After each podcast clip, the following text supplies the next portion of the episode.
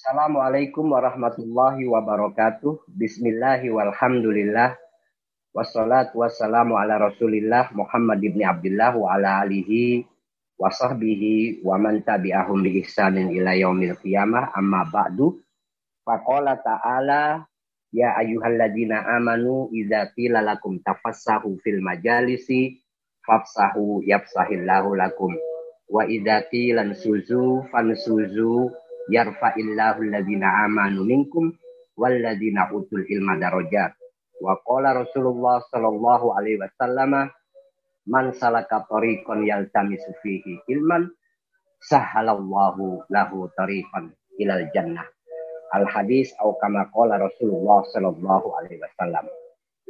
Para pemirsa 164 channel di mana pun Anda berada, selamat berjumpa kembali dengan saya dalam rangka pengajian rutin kitab Fathul Majid karya Syekh Nawawi Al-Bandani yang merupakan syarah dari kitab Ad-Dur Al-Farid fi Aqaidi Ahli Tauhid karya Imam Nahrawi Al-Masri yang pada kesempatan kali ini kita masih membahas soal sifat yang ketujuh yaitu sifat kudroh. Sebetulnya nah, tadi jam 5 kita bacakan tapi karena ada halangan, maka kita memulai pengajian kali ini setelah maghrib. Kita masih melanjutkan pembahasan tentang sifat kudrah bagi Allah Subhanahu wa taala, yaitu sifat kuasa bahwa Allah itu memiliki sifat kudrah yaitu sifat kuasa. Nah, sifat kudrah ini bagian dari sifat ma'ani yaitu sifat potensial karena nanti ada sifat maknawiyah yang artinya itu sifat aktualnya. Jadi sifat aktual dari sifat kudrah adalah kaunuhu qadiran, yaitu Allah itu maha kuasa. Itu namanya sifat ma'ani. Kalau kudrohnya itu namanya sifat maknawiyah. Sifat maknawiyah ini jumlahnya ada uh, kudroh, irodah, ilmu, hayat, sama basor, kalam. Ada tujuh. Nanti sifat uh, ma'ani juga ada tujuh. Jadi kaunuhu qadiran, kaunuhu muridan kaunuhu aliman kaunuhu hayyan kaunu sami'an kaunuhu basiran kaunuhu mutakalliman. Itu nama sifat ma'ani yaitu sifat aktual. Sementara sifat-sifat kudrah itu disebut sifat aktual atau maknawiyah. Jadi ini harus diingat perbedaan antara maknawiyah dengan ma'ani. Maknawiyah itu potensial yaitu sifat kudrah, irodah, ilmu, hayat, sama basor kalam. Itu namanya sifat ma'ani.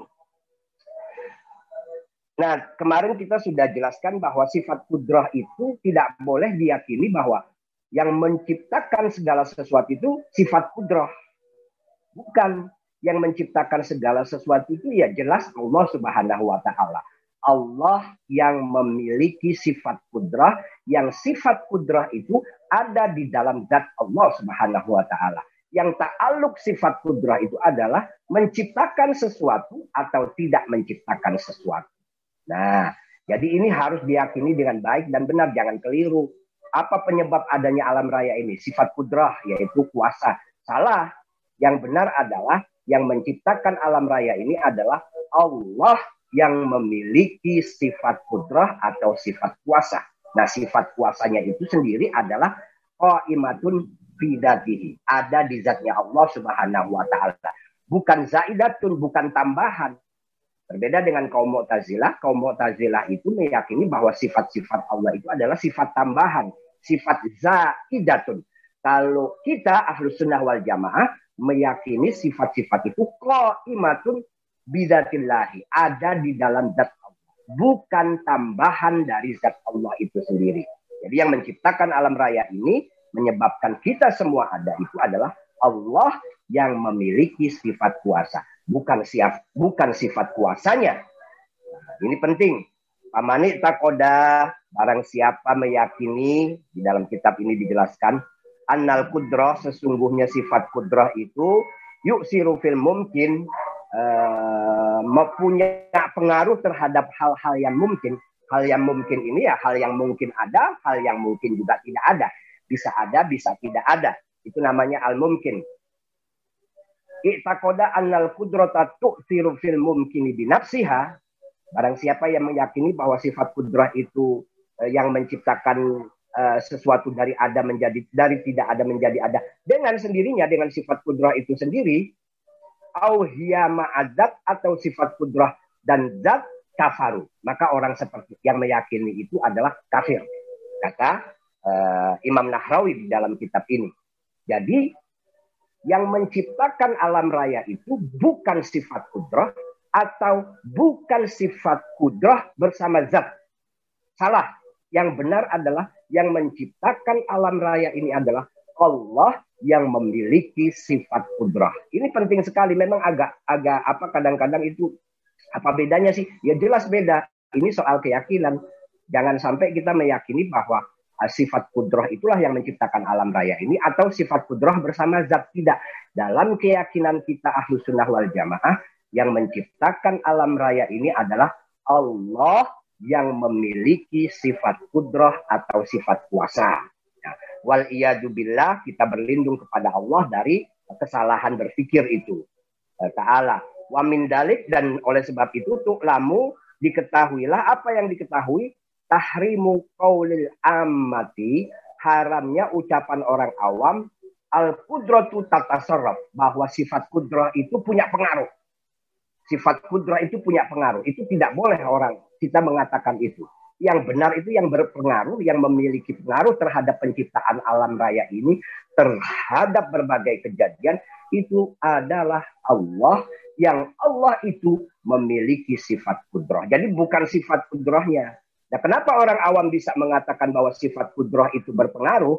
Li'ihamihi, li karena mereka menduga li, la li ihamihi karena mereka menduga annaha sesungguhnya sifat kudrah itu allati tatasarraf. Sifat kudrah itulah yang menggerakkan, yang menciptakan, yang membentuk dan seterusnya. Binafsiha dengan sendirinya. Ini salah. La annaha sababun fit tasarruf bukan meyakini bahwa si apa sifat kudrah ini sekedar sebab dari terjadinya segala sesuatu. Ini penting harus diingat. Jadi saya uh, apa namanya uh, ingin menegaskan sekali lagi tidak boleh haram hukumnya mengucapkan atau meyakini bahwa sifat kudroh itulah yang mempengaruhi segala sesuatu, yang menciptakan, yang mengadakan. Bukan. Yang menciptakan dan mengadakan alam raya ini adalah Allah yang memiliki sifat kudroh. Jadi bukan sifat bukan sifat kudrah, tapi Allah yang memiliki sifat kudrah. Nah, ini harus dipahami dengan baik. La anna hasabapun wa mahallu hurmati hadal qaul dan penyebab keharaman ucapan ini malam yuksot selama tidak dimaksudkan. Jadi kalau kita mengucapkan bahwa atau meyakini bahwa sekedar mengucapkan uh, bahwa yang menciptakan penyebab terjadinya alam raya ini adalah sifat kudrah itu saja sudah haram. Itu sudah haram. Nah, malam yuksud malam yaksud apabila tidak disengaja. Malam yaksud isnadal fi'li laha selama orang itu tidak bermaksud menyandarkan perbuatan menciptaan penciptaan itu kepada sifat kudrah. Jadi kalau orang mengucapkan siapa yang menciptakan alam raya ini sifat kudrah. Nah, kalau dia tidak bermaksud secara hakiki mengucapkan itu, itu sudah haram. Gitu. Tidak, itu haram. Malam ya malam yaksud isnadal fi'li laha. Selamat. Nah, selama tidak meng, kalau dia meng, meng, meng, wa illa kalau dia mengatakannya itu dengan sengaja dan penuh keyakinan bahwa yang penyebab terjadinya alam raya atau terciptanya alam raya ini adalah sifat kudrah, maka fayak furu maka ia menjadi kafir. Jadi ada orang ini, ini umpamanya dulu saya kalau ngaji tauhid itu sama guru-guru saya, bahkan ketika kita minum gitu loh, ketika kita makan itu tidak boleh mengatakan apa yang menyebabkan kamu kenyang makanan bukan yang menyebabkan kita kenyang pada hakikatnya adalah Allah Subhanahu wa taala. Makanan dan minuman itu hanya perantara. Tapi orang kan pada pada pada apa namanya uh, ucapan sehari-hari tentu uh, selalu mengucapkan itu. Apa yang menyebabkan kita kenyang ya makanan. Apa yang menyebabkan kita pintar ya belajar dan lain sebagainya. Nah, apakah ucapan seperti itu kemudian menjadikan orang itu kafir? Tidak, karena memang itu bahasa sehari-hari. Cuman di dalam pikiran, di dalam hati, kita harus dalam ilmu tauhid ini meyakini bahwa hakikat yang menyebabkan terjadinya segala sesuatu itu secara hakiki adalah Allah Subhanahu wa taala. Apa yang menyebabkan banjir? Oh, karena hujan. Nah, itu kan bahasa sehari-hari. Salah nggak? tentu tidak salah hal-hal semacam itu. Cuman di dalam ilmu tauhid harus diyakini bahwa kita itu secara hakiki harus meyakini bahwa yang menurunkan hujan, yang menumbuhkan tanaman, yang menyebabkan kita mendapatkan rezeki, yang menyebabkan perut kita kenyang, yang menyebabkan badan kita segar, itu hakikatnya adalah Allah Subhanahu wa taala. Segala sesuatu yang kita kerjakan, yang kita upayakan, itu hanya perantara Nah, ini penting sekali ini. Karena banyak orang kadang-kadang tidak memahami ini dengan baik gitu. Sehingga apa? Kadang-kadang ada yang keliru sok-sokan gitu.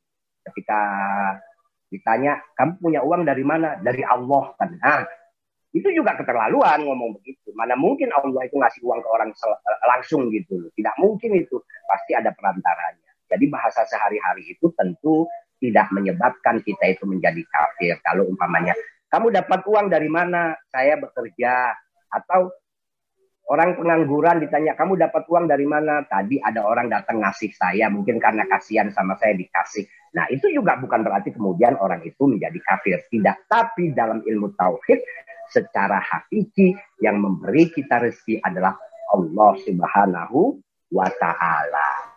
Jadi ini yang pentingnya belajar ilmu tauhid supaya kita itu selalu ingat kepada Allah Subhanahu wa taala bahwa apa pun yang terjadi di muka bumi ini hakikatnya adalah penyebab utamanya Allah Subhanahu wa taala. Tambihun peringatan la yuqalu jangan juga sampai kita meyakini al kudratu bahwa sifat kudrah itu wasitatun perantara wala alatun dan juga bukan alat kalkolami Eh, eh, eh, wala alatun dan juga bukan alat khilafan liman kola innaha zilatil kolami lil katib. Jadi kita itu tidak boleh meyakini bahwa kudroh itu sebagai perantara atau alat seperti pena bagi penulis. Jadi saya menulis membutuhkan pena atau pulpen atau pensil. Sehingga terjadilah tulisan itu. Nah sifat kudroh itu jangan diyakini, jangan difikirkan jangan digambarkan seperti pena. Bukan itu. Jadi sifat kudrohnya Allah dengan Allah itu sendiri bukan bukan seperti penulis dengan penanya sehingga terjadi tulisan. Ini harus dipahami. Itu yang dimaksud la yuqalu al kudroh wasitotun. Jadi kudroh itu bukan perantara, bukan juga alat. Eh, khilafan ini eh, agar kita bisa membedakan karena ada orang itu yang meyakini bahwa sifat kudrah itu adalah alat atau perantara, bukan seperti pena pra, sebagai perantara bagi penulis ketika menulis. Atau kalau zaman sekarang handphone, komputer, itu kan kita ngetik itu. Nah, ketika kita mengetik, maka keyboard itu, keyboard itu yang ada di laptop, di komputer, atau juga keypad yang ada di handphone, itu adalah perantara sehingga terjadi tulisan. Nah, sifat kudrah itu dalam menciptakan alam raya ini bagi Allah bukan seperti pena bagi penulis.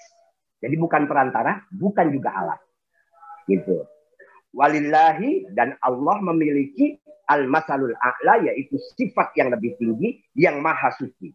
Dalam tafsirnya itu al dalam syarahnya al-masalul a'la itu dijelaskan sebagai sifat al-munazzah yaitu Allah sifat memiliki sifat yang maha suci. Jadi tidak boleh kita membayangkan di awal tadi dijelaskan bahwa sifat kudrah itu bukan perantara, bukan alat uh, ketika Allah menciptakan alam raya ini seperti pena yang digunakan oleh orang untuk menulis. Bukan, tapi ya kita tidak bisa membayangkan. Makanya Walillahil masalul a'la. Jadi Allah itu memiliki sifat yang maha suci dari itu semua. Dari butuh alat, dari butuh perantara.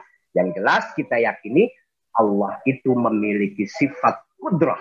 Yang sifat kudrah itu ada pada zat Allah, bukan sifat tambahan.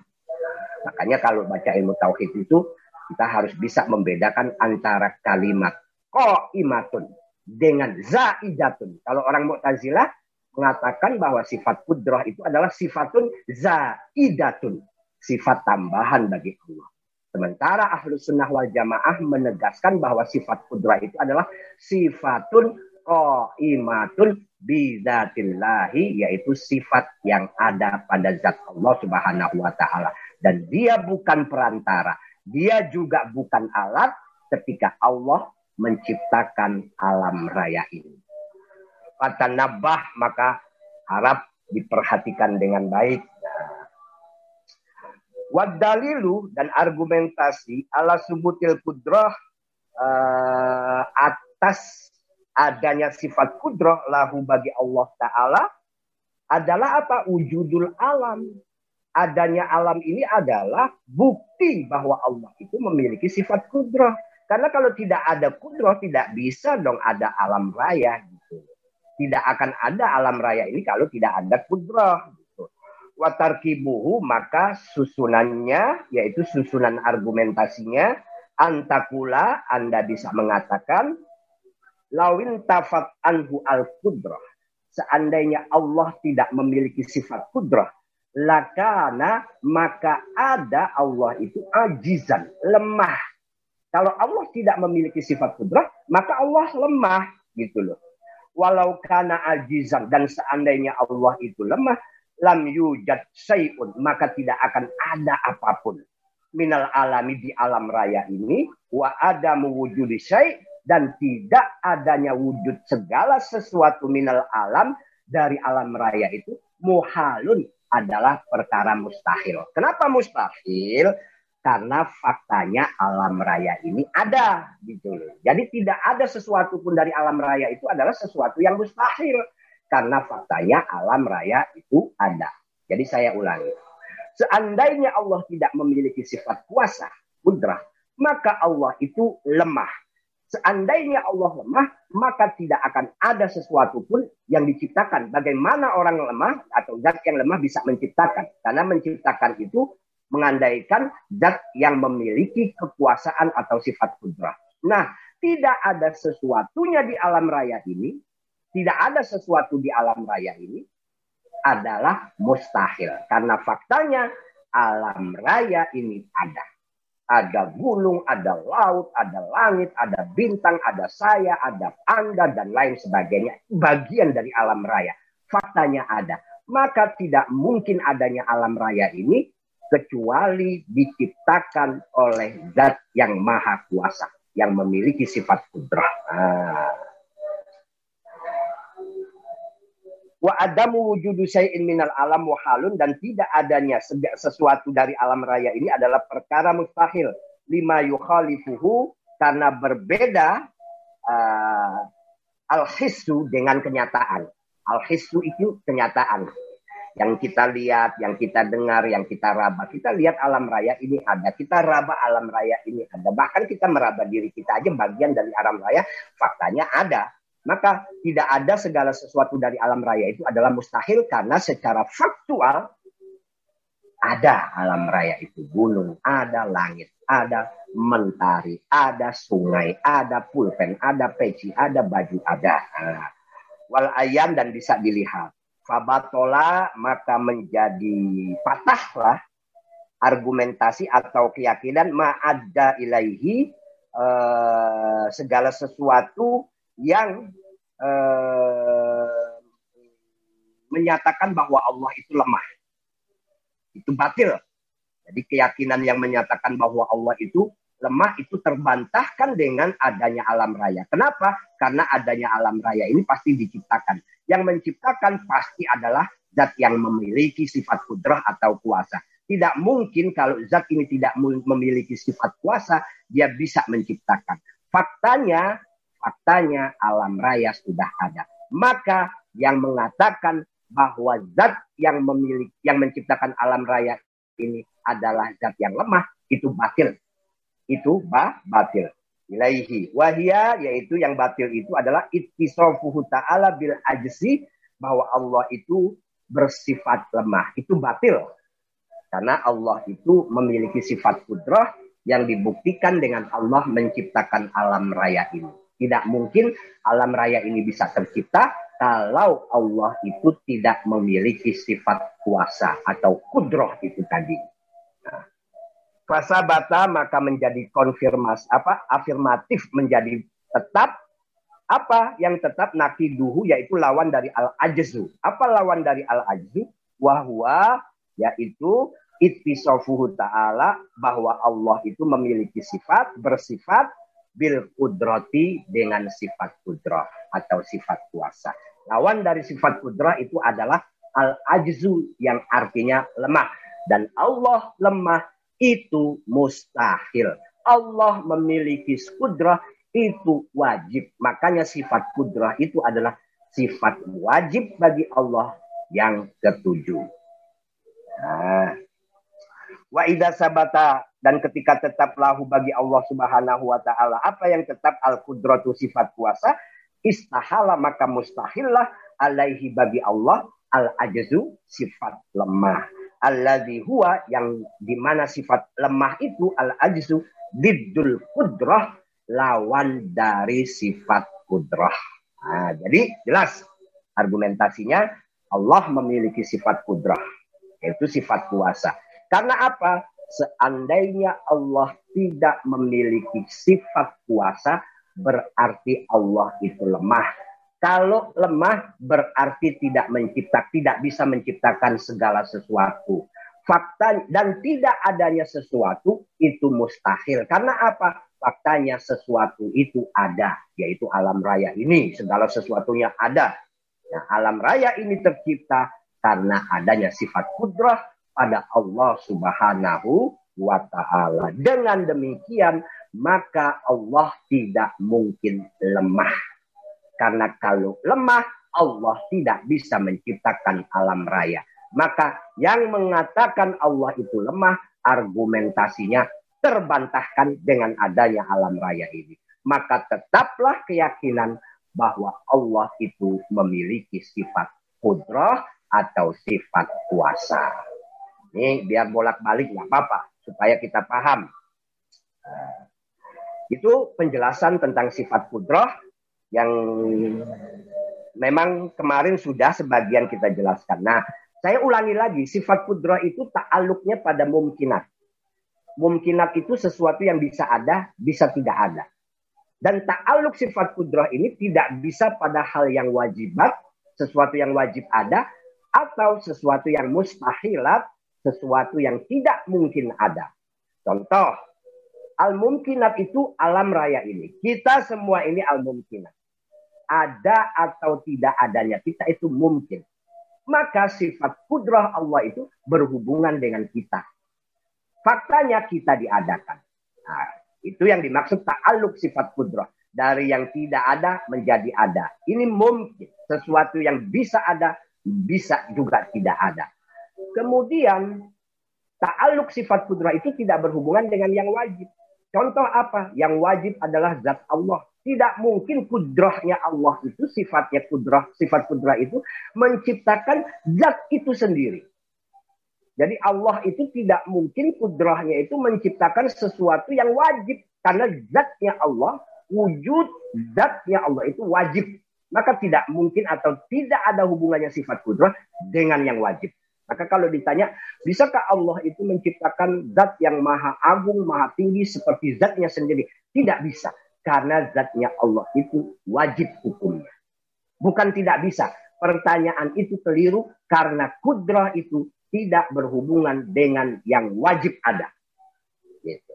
Yang kedua, kudrah itu juga tidak berhubungan dengan yang mustahil ada. Contohnya, syarik. Syarik itu artinya adalah mitra pembantu, orang yang membantu Allah. Jadi uh, Allah menciptakan segala sesuatu, menciptakan sesuatu dibantu. Nah, itu tidak mungkin. Allah itu la syarikalahu, tidak memiliki mitra, tidak ada duanya, tidak ada yang sepadan dengan Allah Subhanahu wa taala.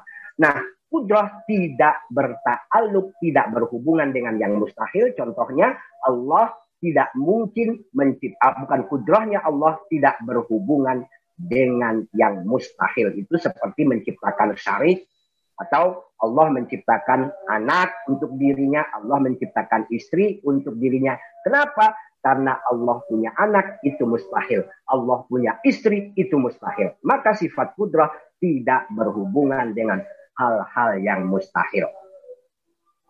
Ini sebetulnya kalau ada forum tanya jawab gitu lebih enak. Karena penjelasan soal tauhid ini memang harus pelan-pelan, agak ruwet karena memang betul-betul menguras logika kita, cara berpikir apa logika kita supaya betul-betul bisa memahaminya dengan baik.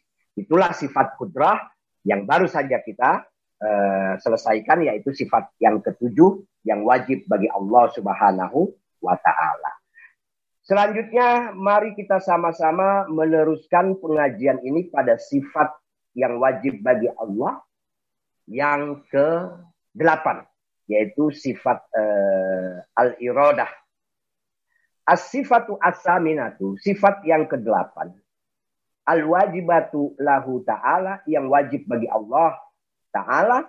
Al-iradatu adalah iradah, kehendak. Wahia yang disebut dengan iradah sifatun yaitu merupakan sifat lahu ta'ala bagi Allah ta'ala azaliyatun yang bersifat azali. Azali itu artinya dari dulu, tidak ada awalnya. Sama dengan zat Allah itu sendiri. Zat Allah itu wujuduhu azaliyah, tidak ada awal. Begitu juga sifat-sifat Allah, semuanya bersifat azaliyatan, tidak ada awalnya. Karena dalam akidah ahlu sunnah, uh, sifat-sifat itu ada pada zat Allah, bukan sifat tambahan. Beda dengan Mu'tazilah. Kalau orang Mu'tazilah itu meyakini bahwa sifat Allah itu adalah sifat tambahan. Sementara kita ahlu sunnah wal jamaah meyakini sifat Allah itu baik iroda ataupun kudrah dan lain sebagainya itu merupakan sifat yang memang ada pada zat Allah subhanahu wa ta'ala. Maka sifatnya sama. Azaliyatun yaitu tidak ada awalnya. Tidak ada awalnya. Dari dulu sudah ada. Tidak ada. Uh, wahia sifatun lahu ta'ala azaliyatun maujudatun yang ada kal kudroti seperti sifat kudrah. Bihau bihai sulau kusifat. Di mana seandainya dibuka anna al-hisab, al-hijabu, seandainya hijab itu dibuka dari mata kita oleh Allah Subhanahu wa taala, la ro'ainaha, kita akan bisa melihat sifat irodah itu. Tapi faktanya nggak bisa. Karena apa? Ya masih terhijab kita, masih terhijab. Allah belum membuka hijabnya. Kapan dibuka? Ya wallahu a'lam. Nanti di surga baru kita akan bisa melihat Allah Subhanahu wa taala. Mudah-mudahan kita akan melihat Allah Subhanahu di surga. Allah Subhanahu wa taala di surga dan itu kenikmatan yang luar biasa yang melebihi dari segala kenikmatan yang ada di surga. Kalau di dunia ini memang tidak bisa. Karena kita masih terhijab. Dan hijab itu tidak dibuka oleh Allah sehingga kita tidak bisa melihat sifat sifat irodah. Nah, bihai sulauku sifat annal hijab, seandainya hijab itu disingkap, dibukakan, laro ainaha, kita pasti melihat sifat irodah ya. Irodah itu. Wahia, yaitu sifat irodah itu adalah qaimatun ada bidatihi bidat Allah Subhanahu wa taala. Jadi ada pada zat Allah, bukan sifat tambahan. Ini yang terpenting. Kali lagi beda dengan orang-orang Mu'tazilah yang meyakini sifat Allah itu adalah sifatun zaidatun, sifat tambahan. Kalau kita ahlu sunnah meyakini sifat Allah itu adalah qaimatun bidatihi, ada pada zat Allah Subhanahu wa taala. Muta'alliqatun yang berhubungan bikuli mungkinin dengan segala sesuatu yang mungkin. Yang mungkin itu artinya sesuatu yang bisa ada dan juga bisa tidak ada. Jadi ada dua, ada tiga. Yang mungkin, yang wajib, dan yang mustahil. Yang mungkin itu sesuatu yang bisa ada, bisa juga tidak ada. Alam raya ini bisa ada, bisa juga tidak ada. Karena alam raya ini tidak wajib ada. Tidak wajib ada. Dia ada karena Allah berkehendak ada gitu loh. Tapi tidak wajib ada. Seandainya Allah tidak berkehendak ada, maka alam raya ini tidak ada. Tapi faktanya Allah berkehendak ada. Adanya alam raya ini karena kehendak Allah, bukan karena hal yang wajib memastikan bahwa alam raya ini harus ada, tapi dikehendaki adanya oleh yang maha ada. Yang maha ada itu bahkan sudah ada sebelum kata ada itu ada. Nah, muta'alikotun bikulim mungkinin yang berhubungan dengan segala sesuatu yang mungkin wala tata allako dan juga sifat iroda ini tidak berhubungan bil wajibati terhadap dengan atau berhubungan dengan hal-hal yang wajib wala bil mustahilati dan juga tidak berhubungan dengan hal-hal yang mustahil sama lah penjelasannya dengan sifat kudrah. Jadi tidak uh, kehendak ini tidak berhubungan atau irodah ini tidak berhubungan dengan yang wajib. Yang wajib itu contohnya apa? Zat Allah Subhanahu wa taala. Dan juga irodah ini tidak berhubungan dengan yang mustahil. Apa itu contoh yang mustahil? Yaitu syarik bagi Allah, anak bagi Allah, teman apa apa namanya uh, istri bagi Allah. Itu hal-hal yang mustahil. Maka uh, uh, sifat irodah ini tidak berhubungan dengan hal-hal yang mustahil. Wahya fungsi dari sifat irodah ini ya ta'adta mempermudah biha karena sifat irodah taksisul mungkin menentukan sesuatu yang mungkin ada dan juga mungkin tidak ada. Ditaksis dari mungkin ada dan mungkin tidak ada atau dari bisa ada menjadi ada menjadi dari bisa ada dan bisa tidak ada bisa ditaksis oleh sifat iroda. Apa ditaksis itu? Ditentukan. Ditentukan apanya? Ditentukan adanya atau ditentukan tidak adanya. Nah itu fungsi dari sifat iroda. Yaitu menentukan yang mungkin. Yang mungkin ini sesuatu yang bisa ada, bisa juga tidak ada. Maka fungsi dari pada sifat iroda itu menentukan yang mungkin ini menjadi ada atau menjadi tidak ada. Nah, taksisul mungkin biba dimaya juzu alaihi yaitu menentukan sesuatu yang mungkin dengan kenyataan yang bisa terjadi pada sesuatu yang mungkin ini. Wabayanu zalika dan penjelasan yang demikian itu annal makhlukat sesungguhnya seluruh ciptaan ini qabla wujudiha sebelum adanya karena ya juzu alaiha antujat bisa jadi makhluk ini ada antujat ala sifatin gairi sifat allati wujidat alaiha. Segala sesuatu makhluk yang diciptakan ini itu pada hakikatnya bisa saja dulunya diciptakan tidak seperti yang ada seperti sekarang ini. Paham? bahwa segala sesuatu yang diciptakan oleh Allah ini pada dasarnya bisa diciptakan tidak seperti yang ada sekarang ini. Contoh sederhana lah, peci yang saya pakai ini warnanya hitam. Sebelum dia ada, ini bisa saja peci ini diciptakan dengan warna putih, dengan warna hijau, dengan warna kuning, dengan warna merah. Tapi faktanya peci ini ada sekarang ini warnanya hitam. Gitu. Baju yang saya pakai warnanya biru. Sebelum baju ini ada, bisa saja baju ini diciptakan dengan warna merah, warna kuning, hijau, dan lain sebagainya. Saya, Taufik, diciptakan seperti yang ada sekarang. Sebelum saya ada, bisa saja saya diciptakan dengan uh, bentuk yang berbeda dengan apa yang ada. Mungkin warna kulit saya hitam, mungkin hidung saya mancung, mungkin mulut saya lebih lebar, mungkin ukuran badan saya lebih tinggi atau lebih pendek. Atau bisa jadi saya diciptakan sebagai perempuan gitu loh. Nah faktanya sekarang ini saya laki-laki.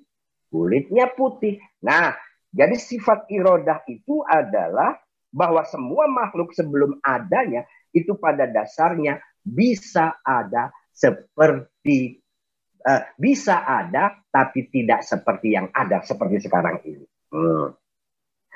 Ala sifatin gairi sifat allati wujidat alaiha. Fal abyadu maka yang disebut dengan putih karena ya juzu alaihi aswat. Bisa jadi benda yang disebut putih sekarang ini bisa jadi dulunya itu kalau diciptakan adalah hitam. Bisa jadi. gitu. Tapi ternyata faktanya diciptakan putih. Au ahmar atau merah, au akhdor atau hijau. Watawilu dan juga orang yang tinggi. Karena ya juzu alaihi ayujat kosiran bisa aja dulu itu diciptakan sebagai orang yang pendek. Jadi itu kemungkinan-kemungkinan gitu loh bahwa semua makhluk itu pada dasarnya bisa seperti apa yang ada sekarang ini bisa juga lain dari apa yang ada seperti sekarang ini. Hmm.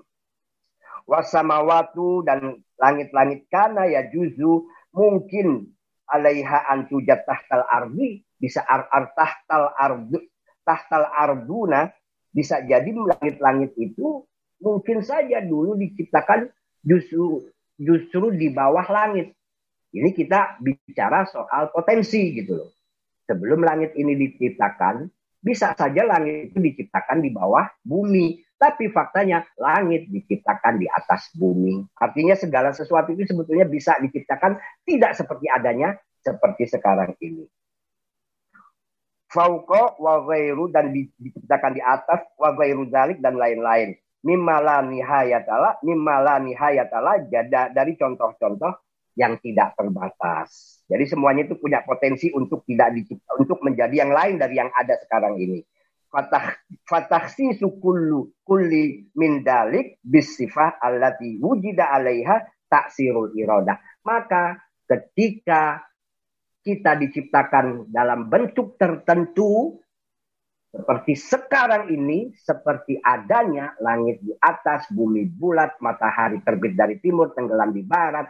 Saya warna kulit saya putih, hidung saya tidak terlalu mancung, umpamanya eh, saya ada di Jakarta, bukan ada di Jawa Timur, bukan ada di Kalimantan, bukan ada di Medan. Ini semuanya ini yang mentaksis, yang menentukan adalah sifat irodah yaitu sifat kehendak yang ada pada zatnya Allah Subhanahu wa taala. Jadi inilah penjelasan eh, tentang sifat irodah yang eh, pada kesempatan kali ini belum bisa kita tuntaskan, akan kita lanjutkan pada pertemuan yang akan datang. Karena bagaimanapun membaca kitab tauhid ini memang harus pelan-pelan, kita harus betul-betul mengeja satu persatu kalimat per kalimat, kemudian memahaminya dengan baik, sehingga kita bisa menangkap makna dari segala sifat-sifat Allah itu dengan baik dan benar sebagai modal tauhid kita, modal keyakinan kita pada Allah Subhanahu wa taala hingga kita itu terhindar dari apa namanya hal-hal atau pemikiran-pemikiran yang justru melanggar kesucian Allah Subhanahu wa taala. Maka ketika kita mengucapkan kalimat tasbih subhanallah didasari dengan pemahaman kalimat apa? ilmu-ilmu tauhid yang sudah kita pelajari, muatannya itu akan jauh lebih hebat dibanding orang yang bertasbih tapi tidak memahami ilmu tauhid, ilmu tentang sifat-sifat Allah dengan baik dan benar.